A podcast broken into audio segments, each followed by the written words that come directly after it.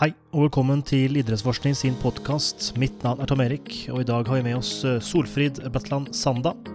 Solfrid hun er professor ved Universitetet i Sørøst-Norge, campus eh, Bø. Og hun forsker en del på dette med helse, trening og fysisk aktivitet. I den sammenheng så har Solfrid gjort en del forskning eh, på personlige trenere og hvordan det er å være personlig trener, og spesielt under denne pandemien vi er under. Etter et år med lockdown, hvordan har PT-ene gjort det? Har de måttet tenke kreativt? Eh, må de ha gjort eh, endring på sine rutiner? Osv. osv. Videre snakker vi om treningssentrenes rolle i eh, helseaspektet, og hvordan et, treningssenter kan påvirke en persons helse i både positiv og negativ grad. I tillegg til det nevnte, så er vi innom veldig mye mer, så her er det bare å, å følge med. Og med det så ønsker jeg deg en god lytting. Velkommen til vår podkast, eh, Solfrid. Takk. Alt bra i Bø, antar jeg du befinner deg? Ja, jeg er i Bø. Det er eh, Ja, hva skal jeg si? Alt bra. Vi er jo som resten av Norge preget av de nasjonale nedstengningene, men studenter hos oss kan faktisk ha noe campusundervisning, så det er veldig bra. Jeg ja, ja. føler veldig med studenter som sitter i de større byene og sitter isolert på 18. måneden nå. Ikke sant. Mm. Og uh, covid vil nok uh, prege dagens uh, podkastepisode, der vi skal både innom ja, det egentlig store ord som trening, helse, fysisk aktivitet eh, og ja, personlig trenervirke sammen med covid, og hvordan dette påvirker hverandre. Men eh, litt om deg. Eh, du er professor i Universitetet i Sørøst-Norge, campus Bø.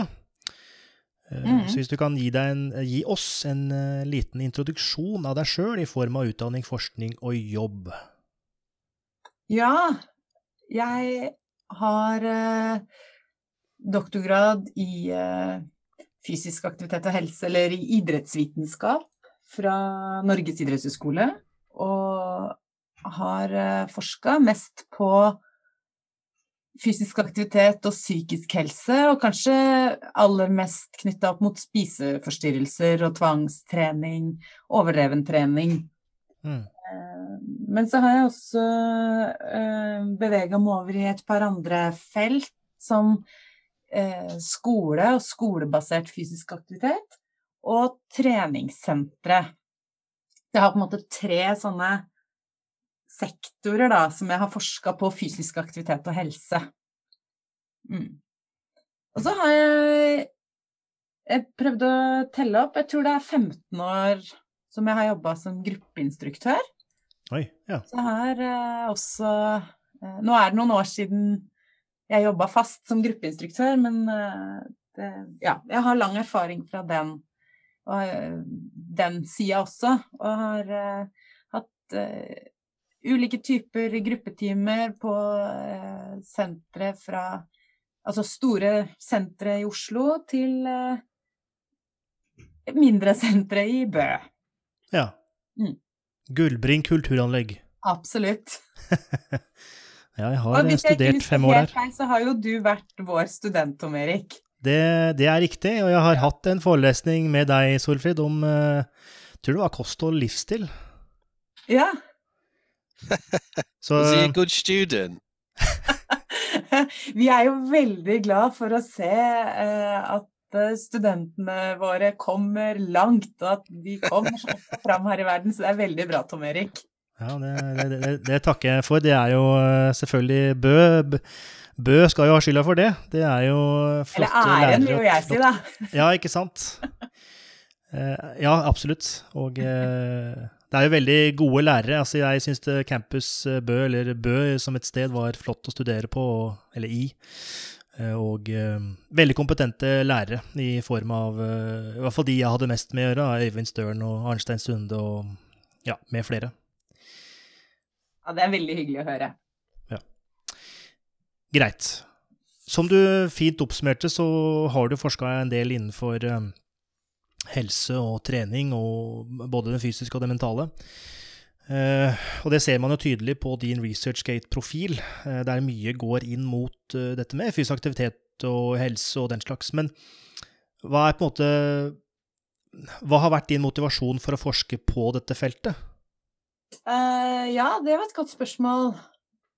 Jeg har alltid hatt en interesse for fysisk aktivitet og helse det starta vel egentlig med at jeg hadde et sånt brennende ønske da jeg gikk på videregående om at jeg skulle revolusjonere kropps, kroppsøvinga. Okay. Eh, og så eh, har eh, veien inn i det å forske på tvangsprega trening og overdreven trening var nok fordi da jeg begynte å jobbe som instruktør eh, i treningssenterbransjen, så så jeg jo veldig mye Ja, hva kan man kalle det? Ekstrem atferd. Uh, litt sånn særegen atferd blant en del kollegaer. Mm. Som jeg ble veldig nysgjerrig Jeg ble veldig nysgjerrig på det. Um, og så har jeg nok alltid hatt en nysgjerrighet som egentlig er eh, det er jo kjernen og nøkkelen av det du trenger hvis du skal bli forsker. Du må være nysgjerrig. eh, mm. Og da liksom kunne dykke inn i ja, hva er dette for noe. Og så husker jeg at jeg var veldig Jeg tok eh, fysisk aktivitet og helsestudie på idrettshøyskolen. Og husker at eh, jeg syns det var så eh, Litt sånn frustrerende at det var det var mye forska på uh, ja, fysisk aktivitet i behandling av uh, hjerte-karsykdommer, diabetes type 2. Uh, eh, men når det kom til psykiske lidelser, så, så var det, det var noe på angst og depresjon. Men med en gang man kom til spiseforstyrrelser, så var det på en måte ikke noe vi lærte ikke noe om ja, hvordan skal man trene hvis man er i behandling for spiseforstyrrelser, eller da, da, var det mer en sånn ja, hvordan skal man gå fram hvis man er bekymra for at noen har en spiseforstyrrelse. Mm, eh, mm. Eh, og det er jo min Det som blei min veileder, professor Rorun Sundgodt Borgen, som ja. er hun som har stått i bresjen for det og forska på det og, og dratt virkelig dratt opp det feltet eh, både i Norge og internasjonalt. Eh, men da blei det en veldig motivasjon for meg til å gå inn i det feltet og prøve å gjøre noe med det. Så i da 2012-13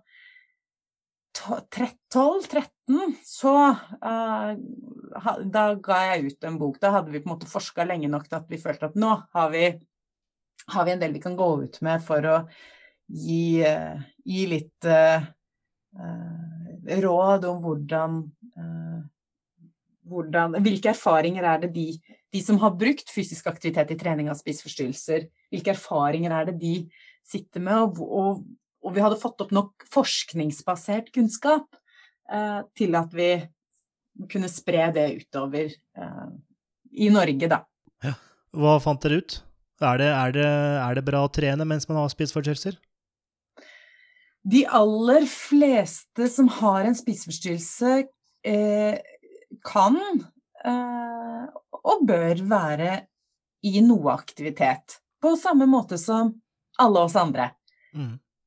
De som, det som har vært et fokus i spiseforstyrrelsesfeltet, har jo vært at man skal begrense aktivitet, fordi man har sett at den overdrevne og tvangsprega treningen tar veldig stor plass hos en del personer med spiseforstyrrelser. Og det skal man ta veldig på alvor. Men utfordringen er jo at det man har forska mest på eh, opp igjennom i, i spiseforstyrrelsesfeltet, det er eh, den spiseforstyrrelsen som heter anoreksi. Og det mm. er også den mest sjeldne eh, spiseforstyrrelsen. Mm. Så eh, da har man på en måte sett at ok, eh, her er det veldig viktig å begrense Og man har vært opptatt av å begrense aktivitet. Eh, og så har man kanskje sett at det ikke nødvendigvis eh, ga den effekten eller ga den virkninga man ønska. Og så har det nok også vært en manglende forståelse for kompleksiteten av fysisk aktivitet. i både utvikling av en spiseforstyrrelse, men også opprettholdelse av en spiseforstyrrelse. Og, og, da jeg begynte å forske på Jeg var jo stipendiat på Modum Bad, som er et uh, sykehus med en spesialavdeling for behandling av uh, uh, spiseforstyrrelser. Og de har uh, jobba med fysisk aktivitet i behandling i veldig mange år. Altså for, for et vidt spekter av psykiske lidelser i veldig mange år. Og de har vært pionerer på det også når det gjelder eh, spiseforstyrrelser. Utfordringen var jo at man hadde en antakelse om at det jo, jo, men de som, de som har spiseforstyrrelse og trener, trener jo bare for å bli tynne eller for å forbrenne. Det handler bare om kropp og utseende. Mens noen av de da viktigste funnene fra min doktorgrad var jo at det var ikke nødvendigvis en forskjell mellom personer med spiseforstyrrelser og personer uten spiseforstyrrelser, og opplevd viktighet av å trene for å gjøre noe med kroppen og vekta. Altså, kropp og utseende er et viktig motiv uavhengig av om man har en spiseforstyrrelse eller ikke. Så det er ikke det som skiller. Mens det som skiller de som har en spiseforstyrrelse og trener eh, både tvangsmessig og overdrevent fra andre, er viktigheten av å trene for å dempe vonde og vanskelige følelser. Ja, ja, ja. ja. ja. Så det, og med en gang vi har den forståelsen, så gjør det også at det er lettere for oss å tilnærme oss eh, trening som del av behandling for den pasientgruppa. Mm. Og vi skulle gjerne ha dypdykka videre ja. i dette feltet. Eh, men eh, for de av dere som gang. Ja, ikke sant. Eh, og for de av dere som ønsker å gjøre nettopp det å dypdykke, så har vi også en episode om med Therese, Therese Mathisen, som du også har samarbeidet med, i hvert fall ut ifra litteraturlista di. Absolutt. Vi samarbeider uh, stadig, vi. Og har ja. både pågående prosjekter og planlagte prosjekter på gang. Ikke sant. Så det er bra. bra. Ja.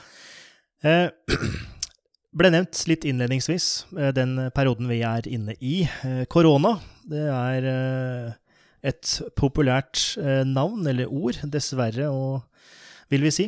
Men i forhold til helse og trening og, og den slags Og dette blir nok et litt stort spørsmål, så du får velge å konkretisere slik du, du, du vil. Men hvilke negative eller positive effekter har korona hatt for uh, trening, uh, helse, uh, ulike yrkesgrupper som livnærer seg av denne sektoren? Ja, hvis vi går konkret inn på yrkesgrupper, så er det jo nærliggende å snakke om personlige trenere. Ja. Vi gjorde jo en studie på personlige trenere i Norge, og hvordan eh, denne lockdown-perioden som varte fra 12. mars i fjor, og, og faktisk eh, gått ut i juni for treningssentrenes del. Mm. Hva skjedde med personlige treneres eh, hva skal jeg si, arbeidsvilkår og, og levekår, for så vidt, da? Mm. Og det er helt Eh, vi skal selvfølgelig være veldig eh, ta forbehold om at har, det er 150 personlige trenere som har svart, eh, og det er estimert at det er ca. 3000 personlige trenere i Norge. Så sånn sett kan vi si at det er jo bare ca. 5, 5% av um, yrkesgruppa og yrkesutøverne av personlige trenere i Norge som har svart. Men de som har svart, så er det helt helt tydelig at de ble veldig hardt Det er en yrkesgruppe som ble hardt ramma under mm. uh, den lockdown-perioden som da varte vår 2020.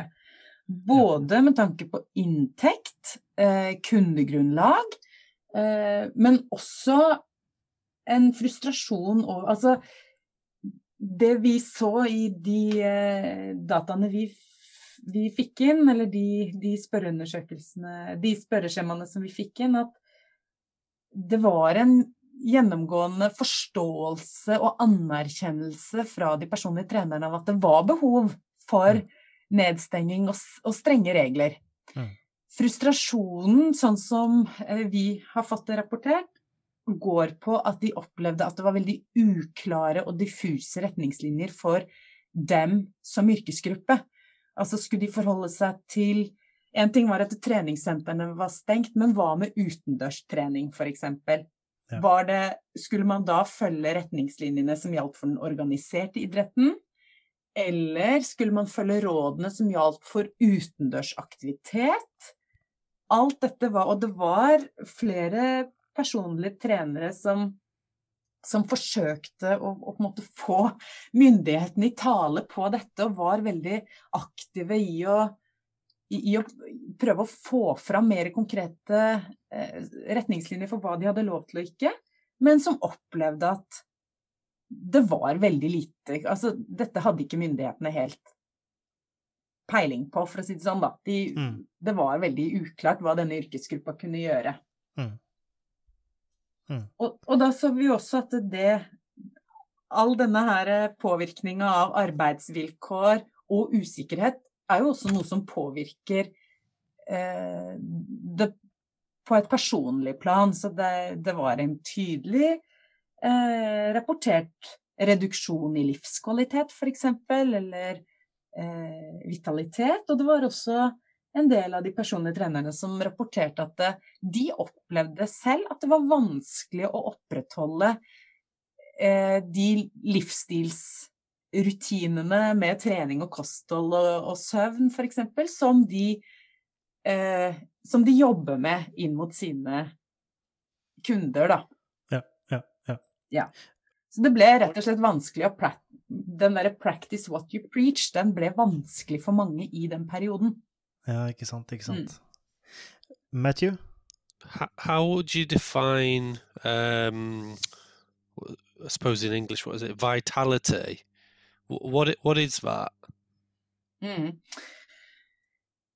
Vitalitet handler om eh, Altså hvis vi tenker psykisk helse, så har du eh, tradisjonelt sett hatt et et mer mål på helseplager, altså hvor stor eh, grad eller hvor stor symptombyrde av angst og depresjon er det du har.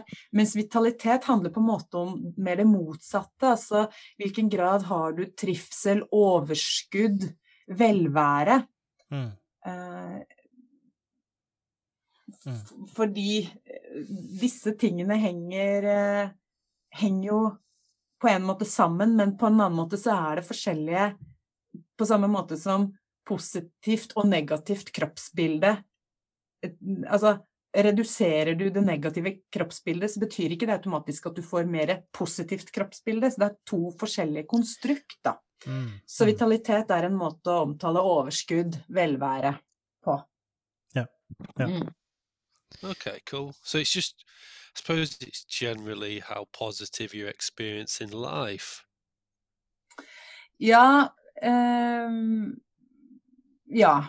Og, og, det er jo ikke rart at den ble kraftig redusert under den eh, perioden. Um, men det sier jo også noe om Eh, uten at vi har noen mål på eh, om de fikk økt grad av f.eks. angst og depresjon, så sier det noe om den eh, hva skal jeg si, tilstanden da de er i i den perioden.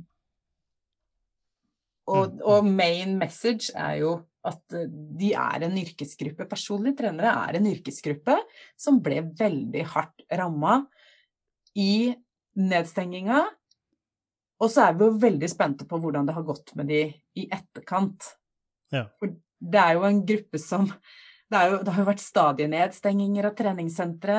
Eh, I Oslo har vel ikke treningssentrene vært åpne på Ja, nå må jeg være litt forsiktig, men eh, jeg mener at det er, det er, Vi snakker måneder, ikke sant? Ja, jeg tror det har jo vært ganske mye mer strengere i Oslo enn ja. uh, en ellers i landet. Ja.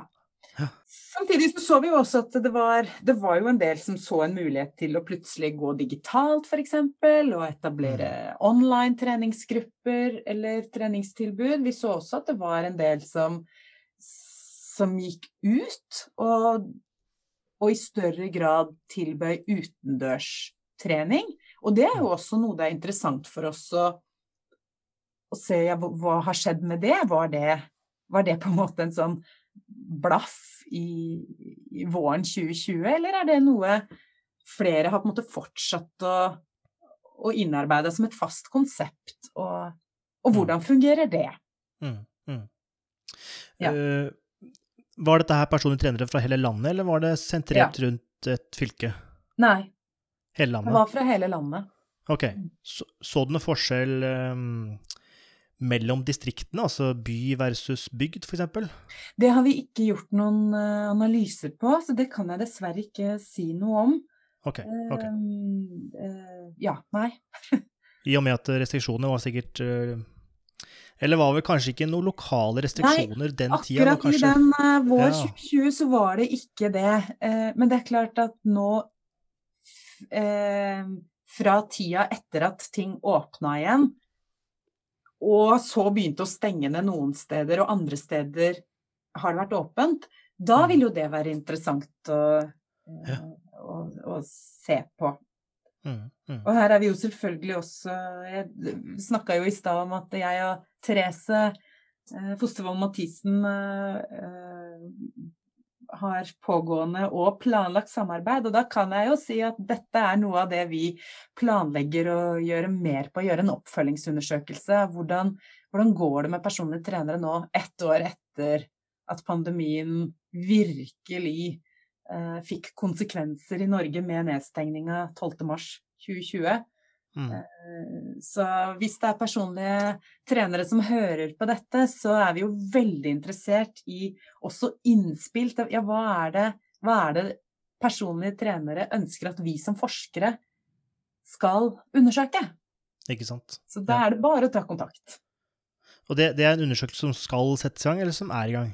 Nei, den skal settes i gang. Vi planlegger den. Så Så da blir det en ny spørreundersøkelse.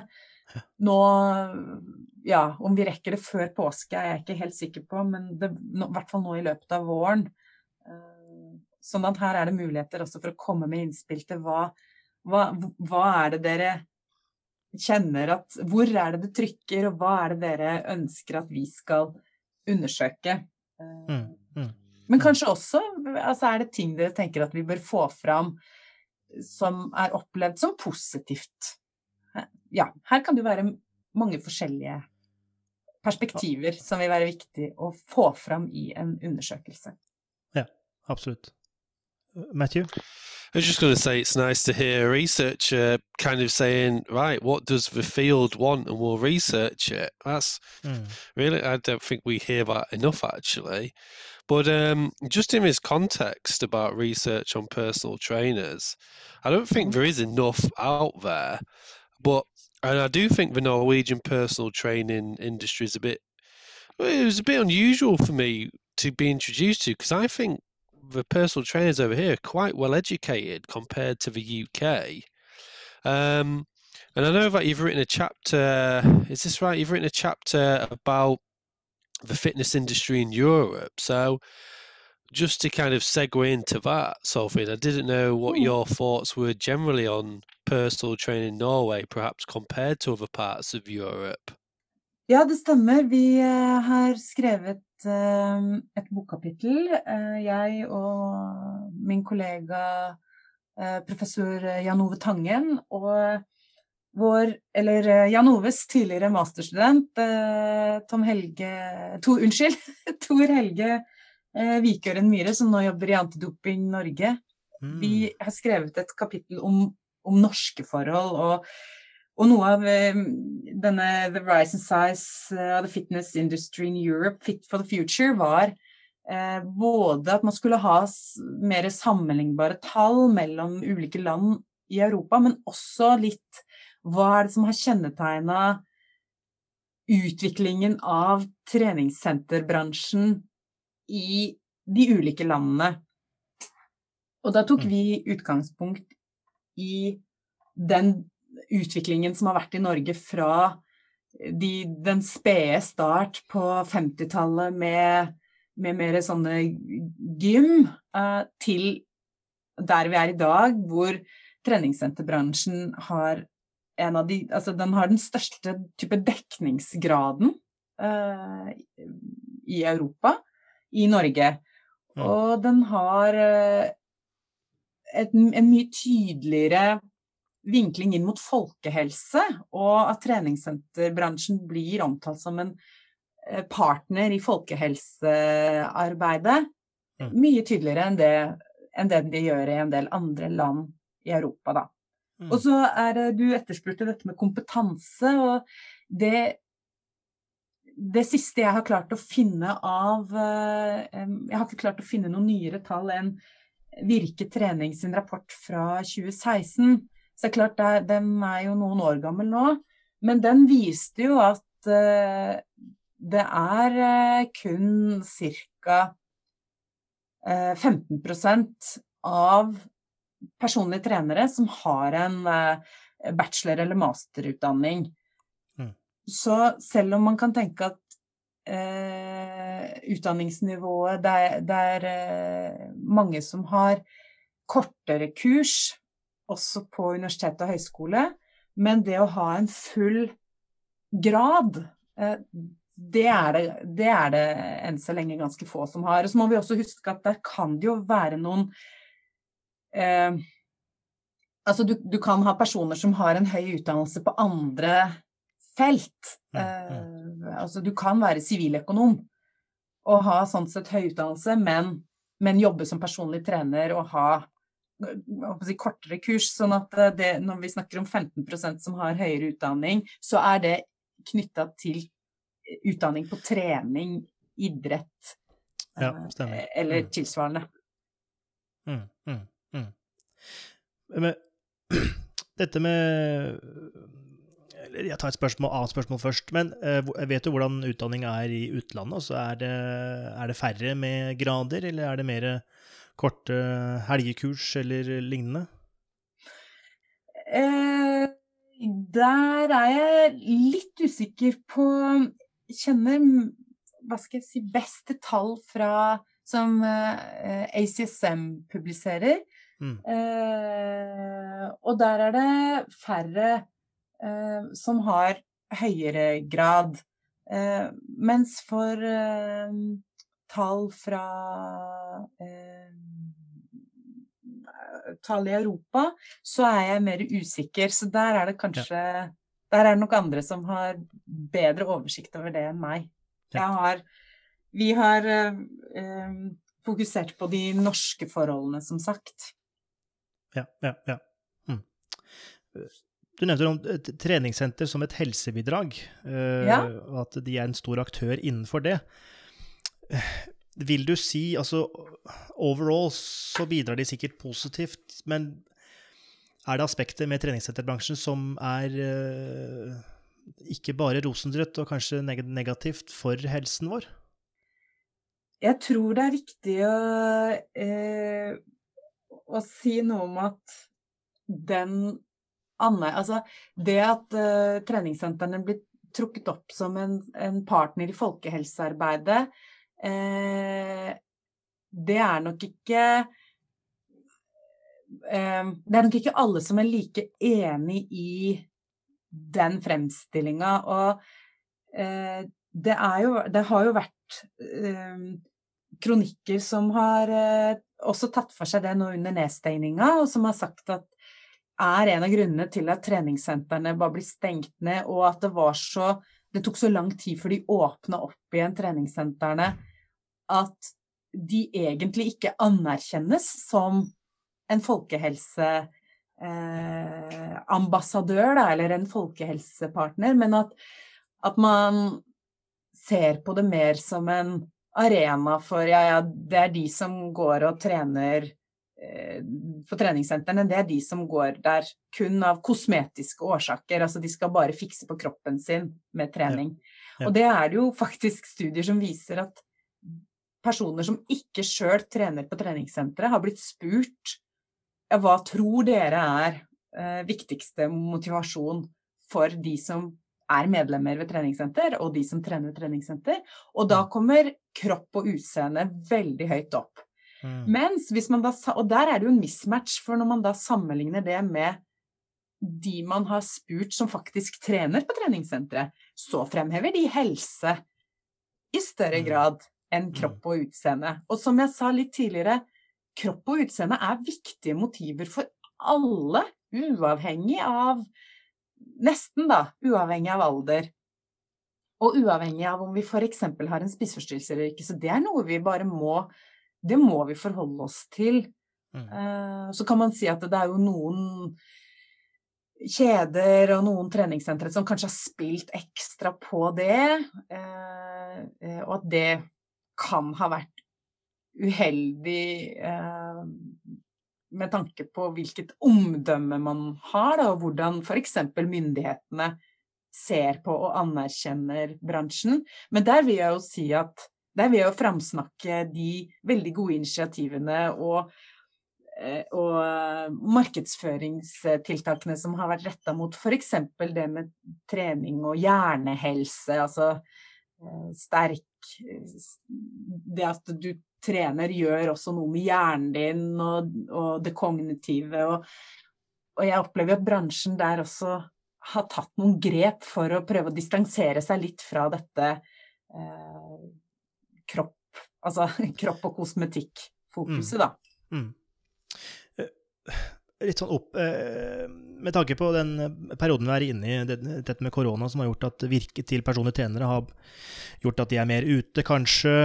Um, De må på en måte være mer kreative i, i jobben med sine utøvere og eh, ja, personer. Mm.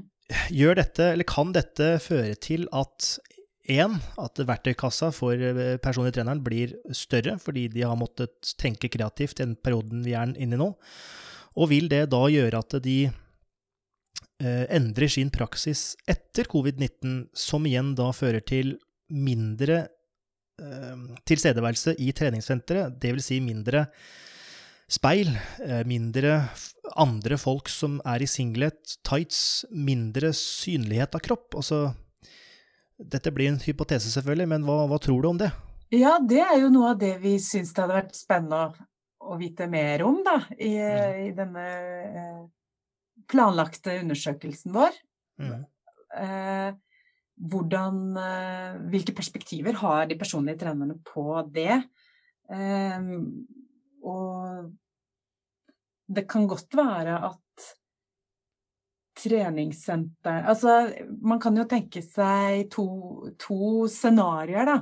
Det ene scenarioet, det er jo at eh, folk virkelig har fått innarbeida dette med utendørsaktivitet og online-aktivitet, sånn at det Mm. tar mye større, en mye større plass også i personlige treneres verktøykasse. At det blir, et, det blir verktøy de bruker mye mer. Mm. Så kan man jo tenke seg et annet scenario. Det er at folk er så lei av digitale tilstelninger, arrangementer og digitale treninger at når ting åpner opp igjen, så har vi så behov for å møte hverandre face to face at det vil gjøre at flere vil ønske å komme tilbake til treningssentrene. Ja, Jeg har lyst til å bruke litt sånn parallell til våre studenter. For uh, i alle har vel sikkert fått med seg uh, hvordan uh, også universiteter og høyskoler gikk digitalt, og hvordan en del universiteter og høyskoler nesten ikke har hatt fysisk undervisning siden nedstengningen 12. mars, for snart et år siden.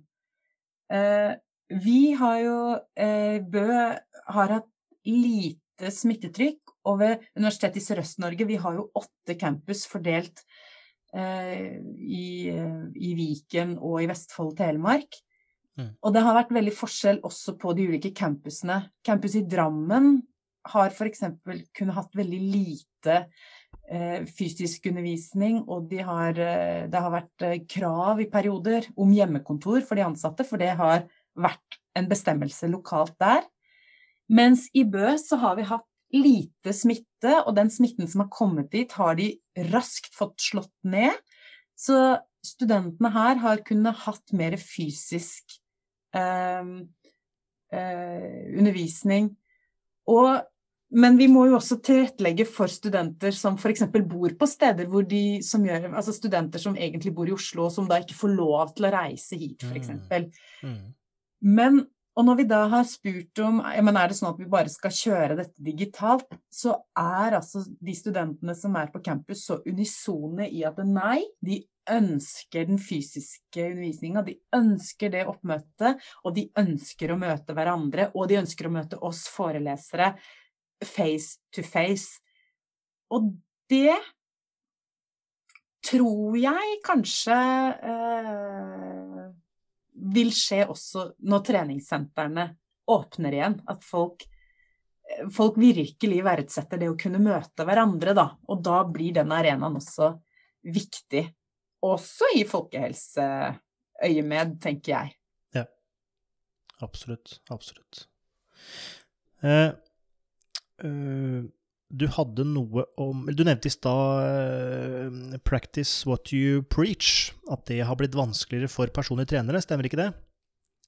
Ja, eh, akkurat under nedstenginga så var det en del mm. som da sa at de syntes det var vanskelig å opprettholde egne treningsrutiner. Um, og det er jo på samme måte som, som um, uh, Man kan kjenne seg igjen i når det skjer ting i livet som ja, livet tar en dreining, eller det, det skjer ting som er litt uventa, eller så, så, er disse her faste rutinene de I noen tilfeller så kan de være vanskelig å opprettholde.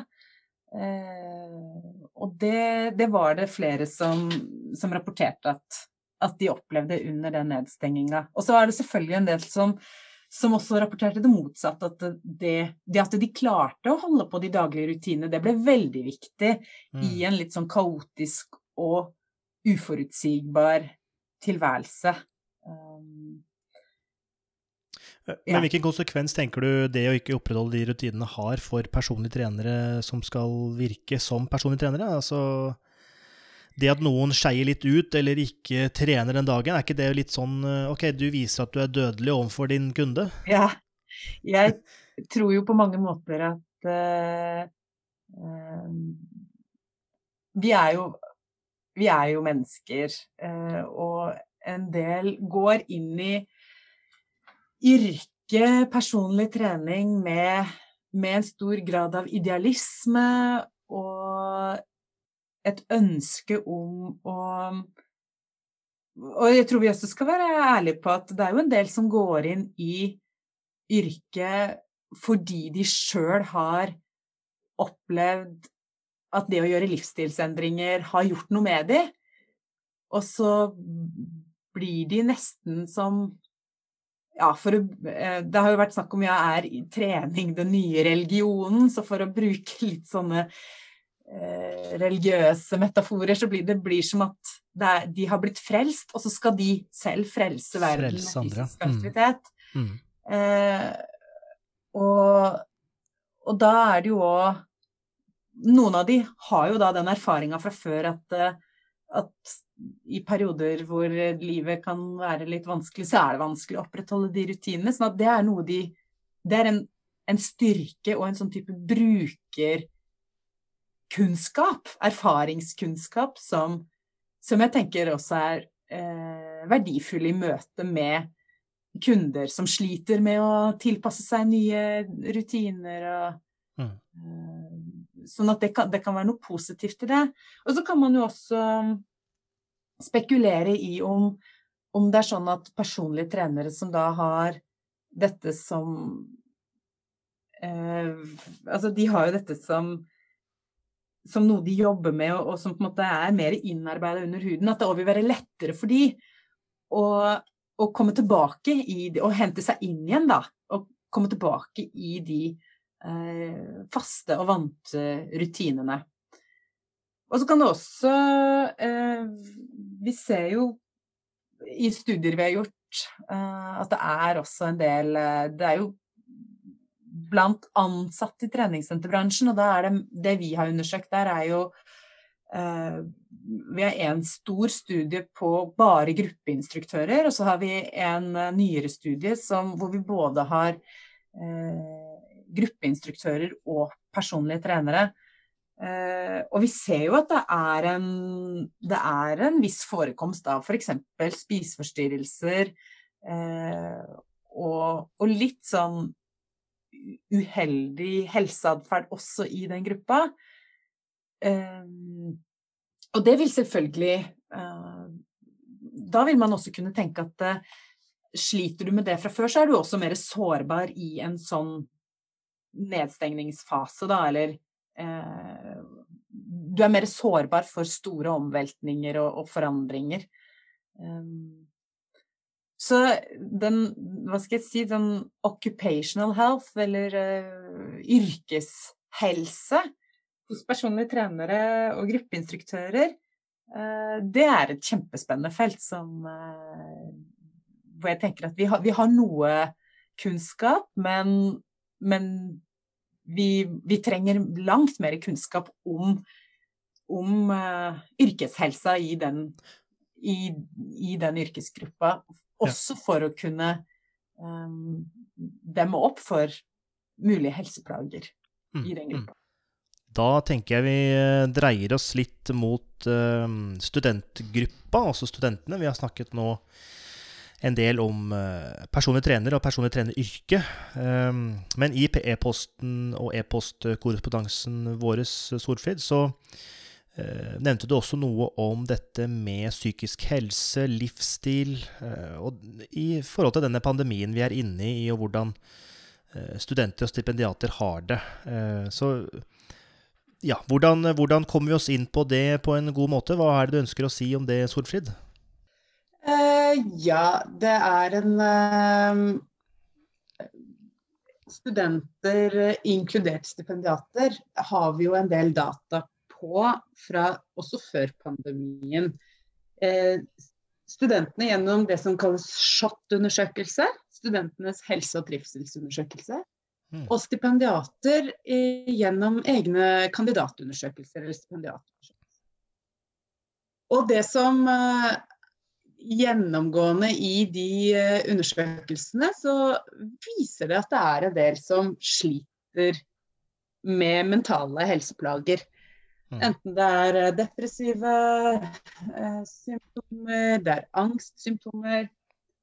Eh, og så fra vårt ståsted, vårt forskningsfelt, så er det jo veldig påfallende at dette ikke ses i sammenheng med livsstil som fysisk aktivitet, kosthold, søvn. Mm. Ikke i stor nok grad, i hvert fall. Mm. Og når vi snakker om eh, Jeg er med i uh, noe som heter Akademiet for yngre forskere. Og når vi snakker om uh, helse Nei, unnskyld. Når vi snakker om stipendiatenes vilkår, så handler jo det både om ansettelsesvilkår, men det handler jo også om alt vi vet knytta til den mentale helsen. At det er mange stipendiater, altså doktorgradsstipendiater, som sliter. Utfordringen er at det er Det ses veldig isolert. Og så eh, er det sånn at en del universiteter og høyskoler som da utdanner eh, stipendiater og har doktorgradsprogrammer, de har et fokus på stress og stressmestring. Mm. Og så har jeg lyst til å sitere Eh, Sofie Høgestøl, som eh, mange kanskje kjenner fra media som USA-kommentator. Eh, hun har doktorgrad i juss, og, og, hun fortalte at da hun var i innspurten og, og var altså så stressa for alt som pågikk i livet hennes og knytta til denne stipendiatavslutningen, så, så fikk hun da tilbud om stressmestringskurs. Det var det, det, var det Universitetet i mm. Oslo hadde å tilby henne. Mm. Eh, og så sier hun men jeg var så stressa at jeg var for stressa til å ta stressmestringskurs. og da lurer okay. jeg på hvor blir det av fokuset på det mer helhetlige knytta til mental helse, og der er jo livsstil veldig sentralt. Mm. Er vi fysisk aktive? Hvordan er kostholdet vårt? Og ikke minst, hvordan er søvn? og rusmiddelbruk. Mm. Og mm. det er jo noe jeg også har savna litt i denne eh, pandemiperioden. Eh, det har vært et veldig sånn Og nå er vi også litt tilbake til dette med treningssentrene har vært stengt. Og så har man tenkt fra myndighetenes side at kanskje det ikke er så stort problem at treningssentrene er stengt, fordi vi har jo natur og folk kan ut og gå tur.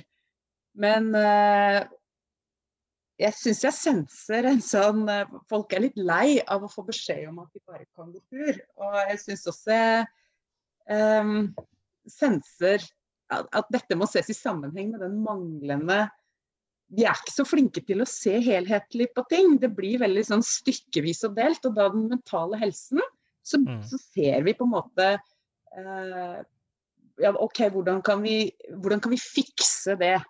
Denne her quick fix-tankegangen. Nå skal mm. vi kjapt fikse? Jo, vi tilbyr stressmestringskurs. Istedenfor kanskje det studenter og stipendiater trenger, er en mye si, grundigere eh, inngang og oppfølging av den mer helhetlige livssituasjonen, inkludert livsstil. Mm, mm. Men har disse psykiske plagene økt under pandemien? Altså, er det noe data på det? det eh, nå er, eh, I Norge så er det akkurat nå en eh, eh sjokk undersøkelse ute til studentene. Altså, så studenter eh, har mulighet til å svare på en SHOT. Eh, SHOT står for studentenes helse og trivsel. Mm. Eh, så den vil si oss noe om omfanget har økt. Mm. Det og så hørte jeg på radioen i dag at Folkehelseinstituttet har nå fått opp data som tilsier at det kanskje ikke har økt noe særlig eh, i Norge, altså omfanget av psykiske plager. Mm. Hvordan den undersøkelsen er gjennomført, det kjenner ikke jeg, men det er ikke en undersøkelse som retter seg spesifikt mot studenter. Mm. Så vet vi også at i barne- og ungdomspsykiatrien f.eks. så rapporterer de om en enorm økning i henvendelser knytta til eh, spiseforstyrrelser. Okay. Så det er jo grunn til å tro at det har skjedd noe med den psykiske helsa eh, i løpet av dette, dette, året. Og muligens også med den fysiske helsa.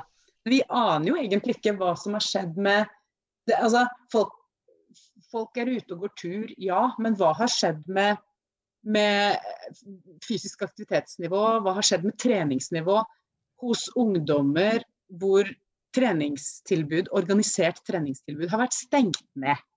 Mm. Og dette er nyanser som jeg mener at ikke kommer godt nok fram, men som vi, vi trenger rett og slett data på det. Mm. Men disse livsstilsrådene har jo eh, eksistert før pandemien, og um, vi har jo blitt fortalt beveg dere, uh, sov mer, spis sunt. Vi har blitt fortalt dette her før pandemien.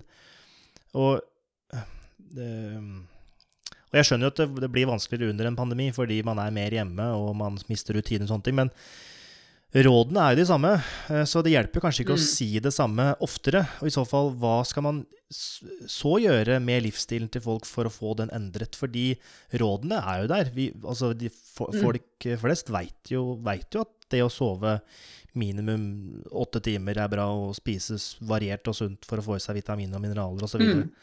så Så hvordan innprente dette bedre? Hvordan få de mer aktiv, sove mer f.eks.? Ja, Det som er den store utfordringa der, er jo at vi bare fortsetter med ting vi vet at ikke virker. Vi vet at en sånn quick fix-løsning, det å tenke at hvis vi bare forteller folk hvordan de skal leve, så lever de sånn, ikke sant? det vet vi at skjer ikke.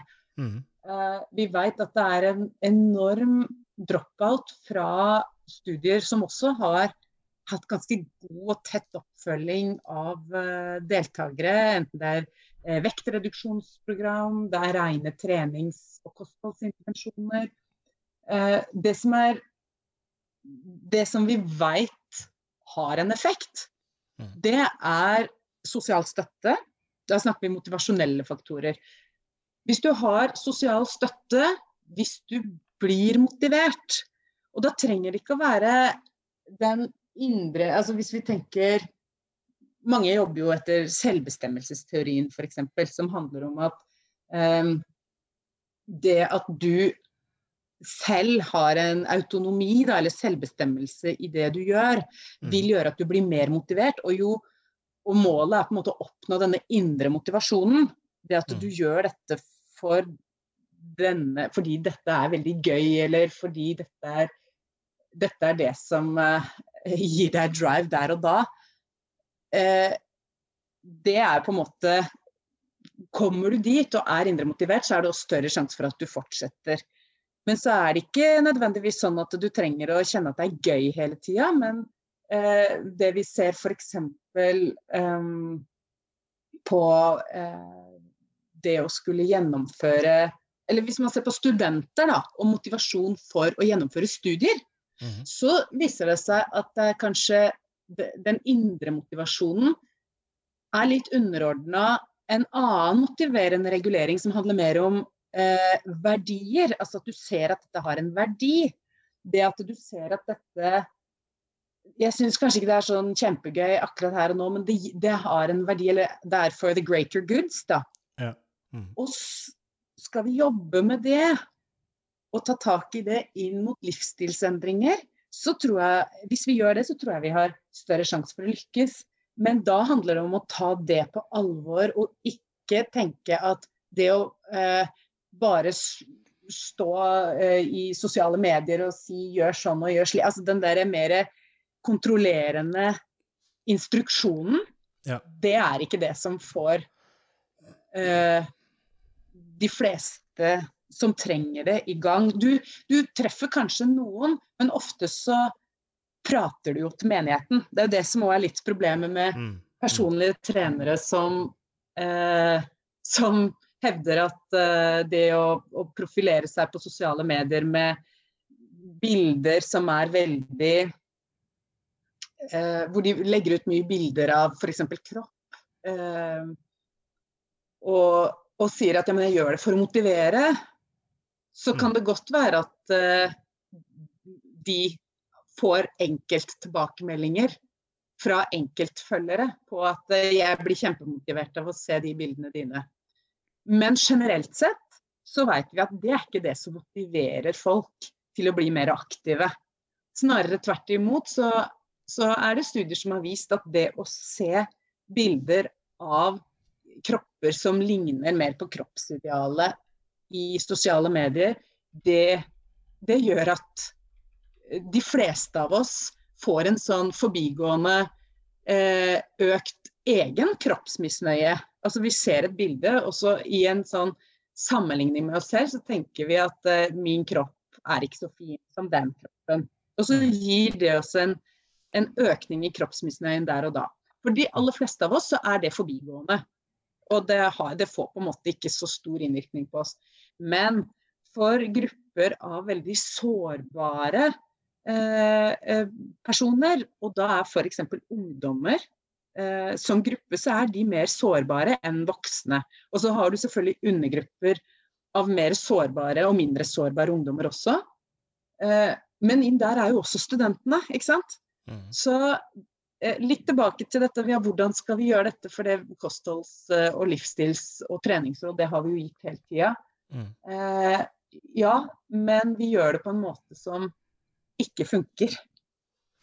Men vi bare reproduserer en sånn quick fix-tankegang som, Ja. som vi egentlig må bryte med, da. Mm.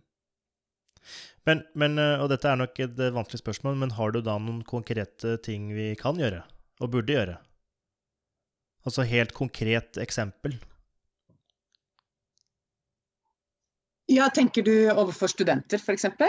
Jeg tenker egentlig Eller for tenker den du- eh, overall befolkninga, fordi det er sikkert flere populasjoner enn studenter som sliter akkurat med det her. Og hvis man ikke skal Ja. stå der med pekefingeren, som jeg er helt enig i, og si at nå må du sove mer og sånne ting, eh, er det, er det seminarer der folk møter opp og prater? Er det eh, legge til rette for eh, at snop blir dyrere? Altså, hva er det vi konkret kan gjøre?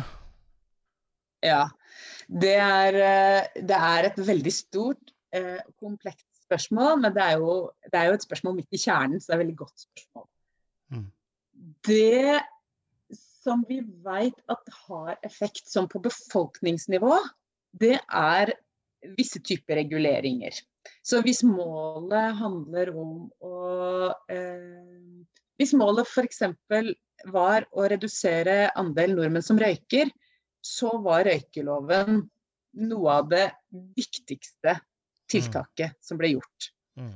Eh, det er også gjort studier knytta til kosthold som viser at det å eh, regulere f.eks. hvor i butikken du plasserer eh, eh varer eh, med ulikt eh, da, næringsinnhold, mm. og hva du gir av Ja, hvor dyrt ting er. Altså jo dyrere en vare er, jo mindre sannsynlig er det for at du kjøper den like ofte som det du har gjort før. Ja. Eh, men så er man da òg veldig skeptisk til det, fordi det får så stor Det er jo en sånn type kontrollregulering som ja, gjør det egentlig noe med, med vår motivasjon. Ikke sant? Da vil du kunne føle deg kontrollert, og så er det en del som tvert imot vil kunne tenke at dette var ikke noe eh, nå, nå, bruker jeg heller så, fordi jeg er litt i opposisjon til dette, så vil jeg heller bruke mer av lønna mi på den type produkter, bare for å uh, vise myndighetene at jeg finner meg ikke i å bli kontrollert. Mm, det som mm. fungerer uh, sånn konkret, er jo, uh, og som er et tiltak som jeg syns framsnakkes altfor lite i det offentlige rom, det er frisklivssentralene f.eks. Frisklivssentraler der de velger å satse på personer med tilstrekkelig fagkompetanse, og der det blir satt av nok ressurser det å tro at en ansatt skal kunne løse en frisklivsoppgave som 20% av sin fulltidsstilling, det vet vi at det er, en, det er en veldig krevende situasjon for den enkelte ansatte. Mm. Men der vi eh, i kommuner hvor man da velger å satse på eh, den fagkompetansen du trenger inn i frisklivssentral, og gi de tilstrekkelig stillingsressurs, så er det et tilbud som er veldig virkningsfullt for de gruppene som trenger det. Mm. Jeg tenker jo at her, hvis vi går tilbake til studentene, så er jo studenthelsetjenesten eh, noe som Eller en arena da, som kan brukes i mye større grad. Store eh, studentbyer i, Oslo, nei, i Norge, som Oslo, Bergen, Trondheim, de har jo også egne studenttreningssentre, f.eks. Eh, jeg vet Sogndal har jo også veldig gode treningsfasiliteter. Eh, det er jo ting som man kunne brukt også mye mer systematisk for å opprette egne grupper for studenter. Så istedenfor at vi bare forteller studenter eller forteller ulike grupper i befolkningen at gjør slik og slik, så så tar vi de med oss. Vi er med de, viser gjennom dette da en form for sosial støtte eh, som vi vet kan være med og bidra til å øke den motivasjonen for å klare å gjennomføre dette på egen hånd. Det var et mm. veldig langt svar. Men eh, et, et, et, godt svar, absolutt. OK. Eh, fint. Du nevnte noe som jeg syns eh, egentlig alltid har vært interessant, eh, dette med eh, kropp, sosiale medier og da ulike aktører innenfor, inn på SoMe som legger ut mm. ja, kropp og hud og sånne ting. Også at man får en Kanskje noen får da en negativ tanke om dette her, og noen får en positiv tanke også. Men har synet på kropp alltid vært sånn. Altså, altså Har det alltid vært sånn at, når man ser en six, noen, at noen ser en sixpack, og så får man Nei, nå stikker jeg og spiser potetgull istedenfor, fordi nå føler jeg meg mm. dårlig. Mm. Eller har dette blitt skapt senere tid? Fordi jeg føler at det på Ser man tilbake til og Dette er jo ikke helt historisk korrekt, og jeg har ikke helt peiling, men gamle statuer fra Hellas og den slags, så viser jo kropp i både med sixpack og, og for så vidt uten, eh, men som det blir mm. en mer eh, hyllest og en mer eh, et ideal da, som man kan se opp til. Altså, når var det vi mista det? Mm. Kropp har jo alltid vært viktig. Eh, kropp er noe som eh, vi ikke kan unngå å forholde oss til. Altså vi må på et eller annet nivå forholde oss til det. Vi Mm. ser eh, kropp i si, Vi ser jo vår egen kropp, og vi ser andres kropper. Uh, det som er uh, så Sånn sett kan man si at kropp har for så vidt alltid vært viktig. Og det har alltid vært ulike idealer. Og så er det de idealene som har kanskje forandra seg opp gjennom historien. Uh, og så er det de idealene som særlig de siste ja, 40-50 åra kanskje har Mm. tatt en retning som, som har blitt mer og mer og mer og mer ekstrem. Mm. Og det gjelder både for gutter og for jenter. Og litt av utfordringen nå er jo også at eh, si, der man før ble eksponert for kropp En ting er de, de du ser rundt deg i det daglige, eller de du så i, på TV eller i eh, ulike medier, da. Så er det jo den man, vi blir jo eksponert veldig mye mer for veldig mye mer kropp fra veldig mange andre steder av verden med inntoget av internett og sosiale medier. Ja, Det er sant. Og det gjør også at eh, hvis vi ser på ungdom som, som gruppe, og barn for så vidt, så de entrer jo internett og sosiale medier i en periode av livet hvor de kanskje ikke er helt klare for det. Så de Mm. inntar en større del av verden eh, hjemme på sitt eget rom enn det de kanskje er klar over eh, og, og klar for. Og det kanskje vi foreldre er eh, oppmerksom på. Så det har nok spilt en rolle for at det er dette med kropp og kroppspress nå har blitt et eh, noe som vi undersøker. Og vi har også sett at opplevd kroppspress er ganske eh, Det er ganske uttalt. Eh, Ungdataundersøkelsen viste var det, var det 2018 viste for første gang at det er en veldig høy andel av ungdom som rapporterer at de opplever et press om kropp. Altså at kroppen din skal se ut på en bestemt måte.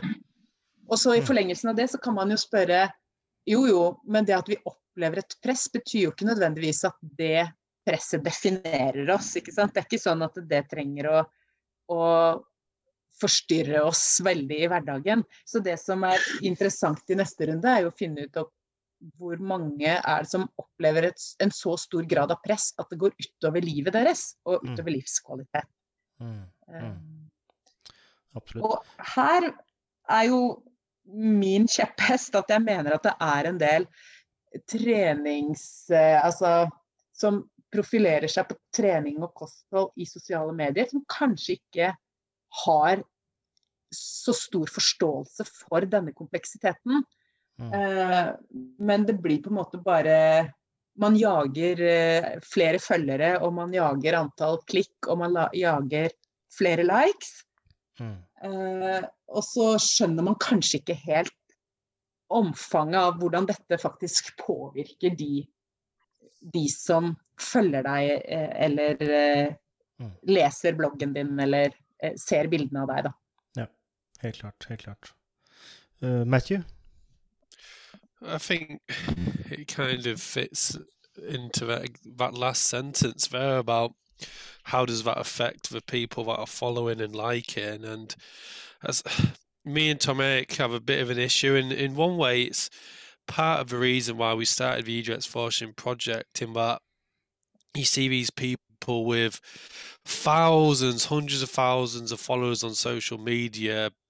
Um, uh, what's the word I'm trying presenting kind of training knowledge or nutritional knowledge, which is probably not the most accurate, to be polite Mm. about it, Mm. but it's bought into and people subscribe to these ideas probably just because of what they look like.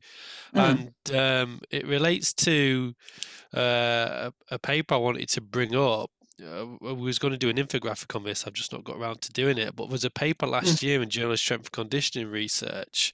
Uh, Mm. Let me just let me just read the title. Is what you see what you get? Perceptions of personal trainers' competence, knowledge, and preferred sex of personal trainer. Mm. Um, and what they did was they the the investigators made like fake personal trainers. So they took someone's body and then they removed their their head or remove a face, not obviously not physically, but uh, in the image. and so they created like different body types, ectomorph, mesomorph, um, all these different body types, and they got participants to basically rate who they would perceive as knowledgeable. And what was kind of interesting was one of the main findings. Obviously, there's plenty of limitations of any paper, but what these authors were concluding were that the the PTs that they were presented with that happened to have uh, kind of higher muscularity, more muscular, were Mm. perceived to be more knowledgeable and competent. I, I found that a really interesting finding, but well, it didn't surprise me. I think we see that on day to day basis anyway. That people just look at someone, oh, you look ripped, you must know what you're talking about, Yeah. and now we've kind of got a little bit of evidence in the literature literature to suggest that yeah, people do actually Mm. perceive these things just based on what the body looks like. Mm. Ja, og det følger eh, eh, en tidligere studie fra eh, Det var vel Cecilie Nomani som eh, Nå husker jeg ikke helt årstallet, jeg lurer på om det var 2006-2007. De gjorde noe av det samme på eh, medlemmer som eh, gikk på gruppetreningstimer, altså type aerobic-timer. Mm. Og de så det samme at eh, de opplevde, eller de rata eh, eh, de instruktørene som hadde en kropp som var mer tilnærma kroppsidealet, også som dyktigere instruktører. Og dette Mm. er jo kjempeinteressant i, i, et, i et sånt uh, Jeg er jo ikke idrettssosiolog, men jeg har jo flere kollegaer som uh, som du også, Tom Erik, kjenner til. Jan Ove Tangen, Pål Augestad. Som jobber med dette med kropp og, og hva kropp som kapital, faktisk. Altså, Mm. vi har et, eh, et kapitalbegrep, ikke sant, hvor kulturell altså, Bourdieu som snakker om eh, kroppslig kapital, kulturell kapital, sosial kapital. Mm. Og i det momentet så er jo da kroppslig kapital at kroppen din eh, Og for en personlig trener, da, så vil det at kroppen din ser ut på en bestemt måte, vil kunne faktisk gi deg flere kunder. Det vil sånn at ved å se ut på en bestemt måte, så tjener du mer. Og det er jo et kjempeinteressant fenomen. for det vi Og vi kan også dra parallellen over til idrettsutøvere. at vi tenker at hva, Hvorfor tenker vi at bare fordi en har vært en innmari god alpinist eller langrennsløper eller fotballspiller, så skal vedkommende automatisk være en innmari god trener? Ja. Ikke sant? Den forskjellen er på å være en utøver og en trener. Og det må vi kanskje også ta litt inn over oss når det gjelder altså personlige trenere som, som selv har trent mye. Um, trenger jo ikke nødvendigvis å være de beste til å trene andre. Men det er en sånn forestilling vi har, da. Mm. Mm. Det er Veldig Det er veldig Veldig, hva skal jeg si Enig i det du sier. eh, For det har jo med dette med eh, åh, Nå mista jeg litt tråden her. Eh, Were you gonna comment on that, uh, Matthew? Yeah, I was just to say, yeah, it's it, it is a strange phenomenon, and I talk about this when teaching coaching, and I don't know what the right answer is in terms of when we talk in this coaching, Emna, about professional footballers becoming managers, becoming coaches. There's examples where that's not really worked when world class players have become coaches, but at the same time. I suppose how how important is the kind of lived experience? You know, if Mhm. you're if you are talk, trying to coach a team in a Champions League football game and you've never been there, I imagine it's difficult to Mm. get the players to understand what you're trying to get them to buy into. You might Mm. say the same about you might say the same about personal training. I don't really know how to Mm. explain it, but like I wouldn't look at someone, and I don't know if this is maybe just related to level of education and an area of education, but I wouldn't look at someone who's got a particularly low body fat and defined muscularity and say, yeah, they're knowledgeable. But at the same time, I must admit, if I saw someone who was quite overweight and had personal trainer on their hoodie, I, I would maybe be a bit suspicious of how are they, well, what are they preaching because they're probably not practicing it, and what are they practicing? So Mm. I don't, I don't, I don't really know. I don't really agree with this perception that you have to look the part, but I also don't think it's completely wrong. I, I don't know. I don't know the answer. Nei, Very det, complicated. sant, det er ekstremt komplisert, og det er ekstremt mange lag i dette her, og det er veldig nyansert. For da har jeg jo lyst til å Den derre forutinntattheten vi har når vi møter folk, da. eh, hvor du sier at eh, er, altså, hvis, hvis man møter en, en personlig trener som er tydelig overvektig og, og, og dømmer på en måte basert på utseende, Mm. eh, så vil jo jeg også påstå at vi, vi eh, går på akkord med noe av den eh, kunnskapen vi har om at eh, du kan være i veldig god fysisk form, eller relativt god fysisk form, men fortsatt være ganske overvektig, eller se eh, overvektig ut. Så det er jo på en måte to Og da, det handler jo om å utfordre våre egne oppfatninger. Og så er det jo veldig interessant at når det handler om, om idrett, når det handler om fysisk aktivitet, når det handler om trening, så er vi veldig opptatt av eh, kropp. Og det handler kanskje om nå, nå spekulerer jeg litt, så dette kan godt hende at det er noen som kan mer enn meg. Men hvis vi selv har et eh, eh, mål om å endre kropp, det snakka vi jo om at det å trene for å gjøre noe med kroppen vår, altså enten gå ned i vekt, eh, gå opp i vekt, endre fettprosent, det er et veldig viktig motiv for veldig mange. Uavhengig om man har en spiseforstyrrelse eller ikke. Og Mm. kanskje det at man ofte har et sånt motiv når man skal trene, er med og påvirker at vi, vi, vi, vi også selekterer personlige trenere eller eh, de som skal trene oss, ut fra hvordan de ser ut. Ville du på en måte tenkt at hvis du går til hvis du går til en eh, Jeg vet det er noen som har sammenligna det med en tannlege. Ville du gått til en tannlege som hadde hatt tenner som sto på en måte hulter til bulter, og, og ville du eh, Men samtidig vil du Er det et krav for deg hvis du skal eh, i behandling for eh, et eller annet, da. Depresjoner eller eller hvis vi tar knær. knær.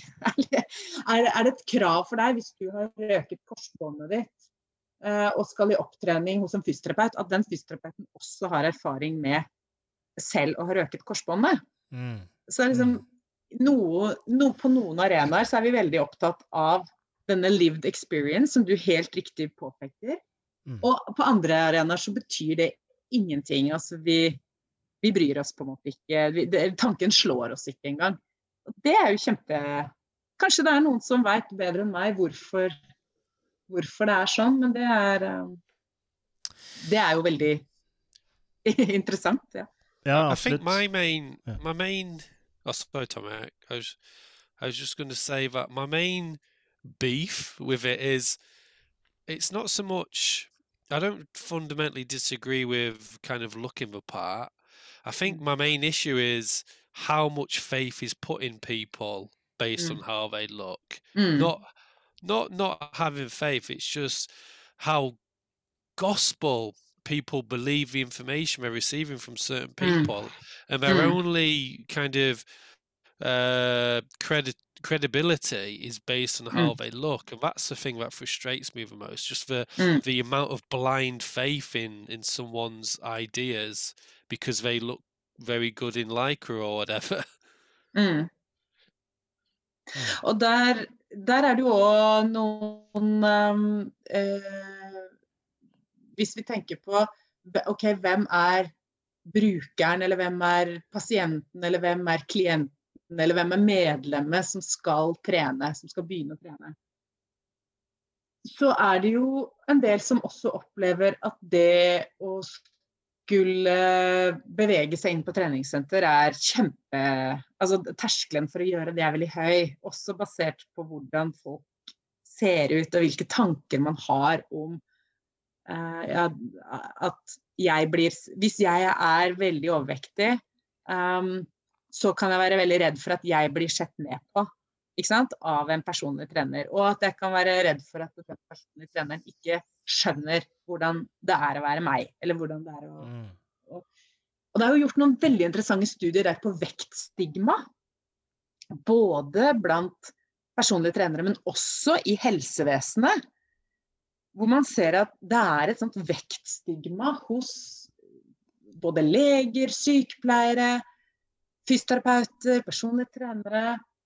eh, som gjør at kommer du da med en, en, en stor overvekt eller en fedme og skal eh, i behandling for det, så, så er det faktisk en viss sjanse for at den som møter deg og som skal behandle deg eh, og hjelpe deg, har en viss oppfatning om hvordan du er, også basert på ditt utseende.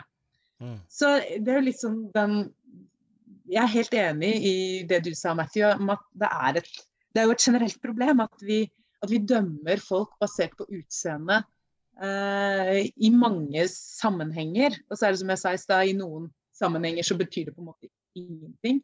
Mm. Men det er jo også noe noe vi som jobber profesjonelt med fysisk aktivitet og trening, eh, eh, kanskje skal være mer bevisst. Og så har jeg lyst til å forte meg å legge til at det, det er selvfølgelig mange som er veldig bevisst på det, og veldig empatiske, respektfulle og i møte med ulike grupper, og som virkelig gjør en forskjell for de enkeltpersonene de møter.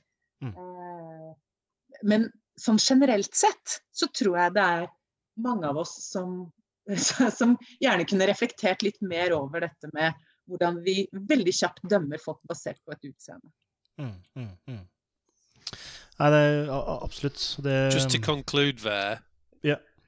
I I was just going to say, if anybody, if I was a dentist and someone said to me, "I can't be your patient because of your teeth," as an English person, I would just say, "Yeah, I understand. if you want to, if you want to get another dentist, that's fine." yeah. men, det, men det har vel mye med empati og at eh, Ja. den personen som eh, skal eh, behandle deg eller trene deg, det har på en måte vært igjennom det samme. Så jeg ser jo mange sånne eh, fitnessutøvere, Mm. athletic fitness, sånne ting, de blir jo ofte eh, PT-er. Mm. Og eh, får da Mm. kunder som ønsker å bli athletic fitness-utøvere. Og det, det gir jo en mening, og at Mm. når de er gjennom denne dietten og er sultne og sånne ting, så vet de at, at jeg, Mm. jeg vet hva slags følelse du sitter med, og måten jeg takla det på, var sånn, sånn og sånn. Så det gir jo på en måte mening, egentlig. Absolutt. Og, eh, og det, eh, det var heller ikke eh, min intensjon å si at man som Bare fordi du har vært utøver eh, Selvfølgelig kan du også være en veldig dyktig trener. Eh, eh, og at det i mange tilfeller er viktig å, å ha den lived experience. Eh, det tror jeg på mange måter kan være fint. Eh, Det er jo også en av grunnene til at dette med brukerinvolvering i både forskning og eh, mer hva skal jeg si, praktisk arbeid, klinisk arbeid, eh, særlig i helsevesenet, og særlig inn mot eh, psykisk helse og rus, da, har blitt såpass Altså det er noe som har kommet, kommet veldig opp, og man ser veldig verdien. Fordi det å ha terapeuter eller det å ha behandlere, fagpersoner, som også har den derre eh, levde erfaringa, altså de har en personlig erfaring med dette også, Mm. gjør at de kanskje kan sette seg inn i ting på en annen måte. Eh, og når de sier at ja, jeg skjønner åssen du har det, så gir det en helt annen troverdighet enn hvis en som aldri har kjent på motgang i livet, skal på en måte si det samme. Mm. Ja, det gir absolutt en større dette- kredibilitet. Mm. Ja. Og det å, hvis vi snakker toppidrett f.eks., det, er såpass- det er såpass spesielt. Det er, så jeg òg tenker at det er veldig, veldig fint at trenere i toppidretten også har en egen erfaring med å være utøver i toppidretten. Og så må vi bare være forsiktige med å dra den slutningen om at bare fordi du har vært en god utøver, så er du automatisk også en god trener. Ja. Ja. Men det betyr jo ikke at du ikke kan bli en god trener. Mm. Det er vel den eh, kombinasjonen mellom eh, erfaring og formell kompetanse som eh, ja, gjør at du får en eh, veldig god eh, Eller iallfall potensielt en veldig god eh, bakgrunn for det du skal gjøre. Jeg tenker jo at Mm. eh, du får det beste av begge verdener. eh, For erfaring er jo, er jo viktig, men også dette med um, formell kompetanse i form av utdanning eller kurs eller hva det måtte være, og bli Mm. mer bevisst på disse tingene vi har nettopp snakket om, og ja, at eh, det du har gjort, eh, betyr ikke at eh, det passer for alle andre. Nei. Vi, for der kan vi jo snakke om at vi har tre, tre typer kunnskap. Og vi kan generere kunnskap på tre måter. Det ene det er forskningsbasert kunnskap. Eh, det andre det er den erfaringsbaserte kunnskapen. Og det tredje det er den eh, brukerkunnskapen, eller den, den personlige eh, kunnskapen. Mm. Eh, så, og den erfaringsbaserte, den, den er jo ofte den du som eh, som eh, behandler, f.eks. da, eller så hvis vi skal bruke treningsverdenen, så kunne vi sagt at ok, jeg, jeg som forsker kommer inn med den forskningsbaserte kunnskapen. De personlige trenerne kommer inn med den erfaringsbaserte kunnskapen. Fordi Mm. du har selvfølgelig opparbeida deg viktig og verdifull kunnskap gjennom erfaring som personlig trener i hvis det er 10 eller 15 år, eller hvor lenge, hvor lenge man har jobba. Men så er det også den, eh, den brukeren eller den som har kjøpt personlige tjenertjenester, eh, som har benytta seg av personlig trener, den har jo også en kunnskap, ikke sant? Mm. Eh, og hvis vi kan få de tre eh, hva skal jeg si, kunnskapsperspektivene til å jobbe sammen, det er jo kjempe, det er veldig spennende. Absolutt, absolutt. Fint. Um, da tenker jeg vi potensielt begynner å bevege oss mot slutten. Um, men dette med fremtidig forskning Du har jo allerede nevnt det i tidligere, tidligere med både oppfølgingsstudie innenfor eh, personlig trenerverdenen, dette med eh, the impact of covid og lockdown vi er eh, inne i, i hvert fall mm. mange av oss. Um, og dette med Du hadde Mm. også et oppfølgingsstudie på um, Eller som var nå på dette studiet, jeg husker ikke hva forkortelsen var, NOT eller uh, Jeg tenkte du på studenter? SHoT-undersøkelsen? SHoT var det, ja. SHoT var det. Nei, var det det? Ja, SHoT. Ja. riktig, riktig. Eh, har du noe annen forskning? ja, den er det jo ikke jeg som gjennomfører, det er eh, Hva sa du nå? Beklager, det var litt eh, lag her. Eh, har du noe annen forskning eh, som du holder på med eller skal starte? For det virker som du har mange baller i lufta. Ja, vi eh, har eh, en Vi har en studie som eh, foreløpig er på en Det er en masterstudent hos oss som har eh, begynt å se på VR-teknologi. Og Oi. trening. Altså bruk av VR og gaming. Og foreløpig så har han gjort en datainnsamling på eh, energiforbruk under eh, den type spill. Eh, men vi jobber jo sammen med Nasjonalt senter for optometri og øyehelse, som er en del av Universitetet i Sørøst-Norge. Så kobling mellom det som handler om fysisk aktivitet og trening, og inn mot eh, bl.a. øyehelse, som er gjort veldig lite på globalt. Mm. Men som vi ser at det, her er det en del kunnskapshull som vi eh, kan dekke. Eh, der er det flere fra både det idretts- treningsfaglige miljøet ved USN og fra det eh, optometri-, syn- og øyehelsemiljøet ved USN som er involvert. Mm. Og så har jeg jo et eh, pågående samarbeid med eh, deres kollega Geir Kåre Resaland. Og ja. dette med fysisk aktivitet i skole. Der uh, har vi også noen spennende ting uh, knytta til fysisk aktivitet i Altså det å lære fag gjennom kroppslig bevegelse og fysisk aktivitet. Og mm. hvordan det kan hva kan det gjøre med læringsmiljøet for elevene? Mm. Så Det er eh, hva skal jeg si, litt ulike felt, men det er jo noen fellesnevnere i disse prosjektene. da. Det handler om at vi trenger å være i bevegelse, og hva gjør det med oss? Og, og bevegelse i et sånt livsløpsperspektiv. Så hvordan det å være aktiv som barn og unge påvirker oss som voksne og eldre. Og og hvordan kan det også påvirke andre helseparametere enn det vi har vært mest opptatt av fram til nå. Og da mm. tenker jeg jo på øyehelse som en sånn viktig ny variabel inn der. Ja, ikke sant.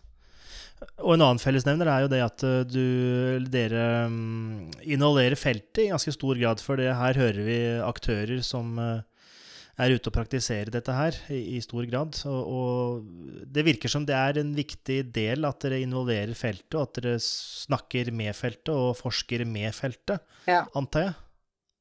Ja. Det er helt eh, Det er korrekt oppfatta. Vi har en eh, vi, vi ser virkelig at det å gjøre å si at eh, akademia kommer inn og skal gjøre sine greier i enten det er helsevesenet eller det er i skoleverket eh, eller si, på treningssentrene for den saks skyld, det er ikke like effektfullt som hvis de sektorene og det praksisfeltet, det relevante praksisfeltet og aktuelle praksisfeltet er med uh, i hele prosessen. Mm. Så når vi da forsker inn mot uh, helsevesenet f.eks., så er det jo viktig å ha med både de som altså er fagpersoner og ansatte og har den erfaringsbaserte kunnskapen, men selvfølgelig også brukerne. Altså eh, personer med, med, øyehelseutfordringer som også er inaktive og sliter med å komme seg i aktivitet, f.eks.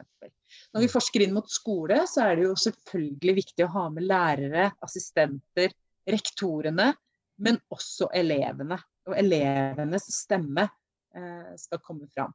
Og mm. da er vi jo også kan tenke at eh, i, i treningssenter eller i den settingen, så vil, vil jo både de ansatte ved treningssenteret, men også brukerne og, og, og, at de ulike gruppene jobber sammen um, i større grad i fremtidige prosjekter, det tror jeg blir uh, Ja, da har vi mulighet til å få til mer enn uh, en på den mer tradisjonelle måten hvor akademia eh, jeg si, kommer inn eh, og, og, spretter ut igjen. Eh, og så hører dere fra oss om noen år, når resultatene er analysert. Ikke sant. ja. ja. men det er bra. Um, fint. Um, føler du at du har fått uh, snakket om det du ønsket å snakke om i denne podkastepisoden? Ja. ja. Så bra. Det er viktig. Ja, jeg tror det. Vi har vært innom mye og mangt, så jeg, her er det masse informasjon som er viktig at folk eh, får med seg.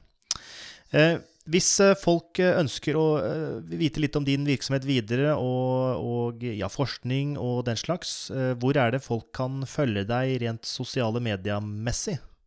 Ja, jeg er på Instagram og Twitter, f.eks. Ellers så er det veldig enkelt å komme i kontakt med oss på e-post. Selv om det er veldig old fashion. Ja, vi hadde en eh, doktorgradsstipendiat eh, for litt siden som eh, også var veldig tradisjonell, og e-post var det som var. Men du er jo både på Instagram og Twitter, så det, det er et steg opp, det, i veldig stor grad. Og ResearchGate er også ja. aktuelt for de som vil virkelig dykke dypt inn i forskningen. Ja, det er helt sant. Det var veldig bra du Ja, det var veldig bra du sa, for det er jo sånne arenaer som jeg, jeg er jeg er der, men jeg er ikke så aktiv der. så jeg tenker ikke over det. Men det er helt riktig. ResearchGate. Yes, yes. Um, og jeg er veldig enkel å finne på Twitter, for der heter jeg idrettspedagog. Ja, så bra. Så hvis du søker opp idrettspedagog på Twitter, så finner du meg. Ja. Og vi legger jo ved både Ja, vi legger ved lenkene og den slags i beskrivelsen under episoden. Den er god. Ja, da vil jeg takke for praten, eh, Det har vært eh, en eh, lang og informativ episode som jeg ja, gjort noen gode og store tanker rundt store ting som har vært veldig fruktbart. Så takk for det. Takk i like måte. Det var dette for denne gang. Takk for at du hørte på, og vi høres om litt.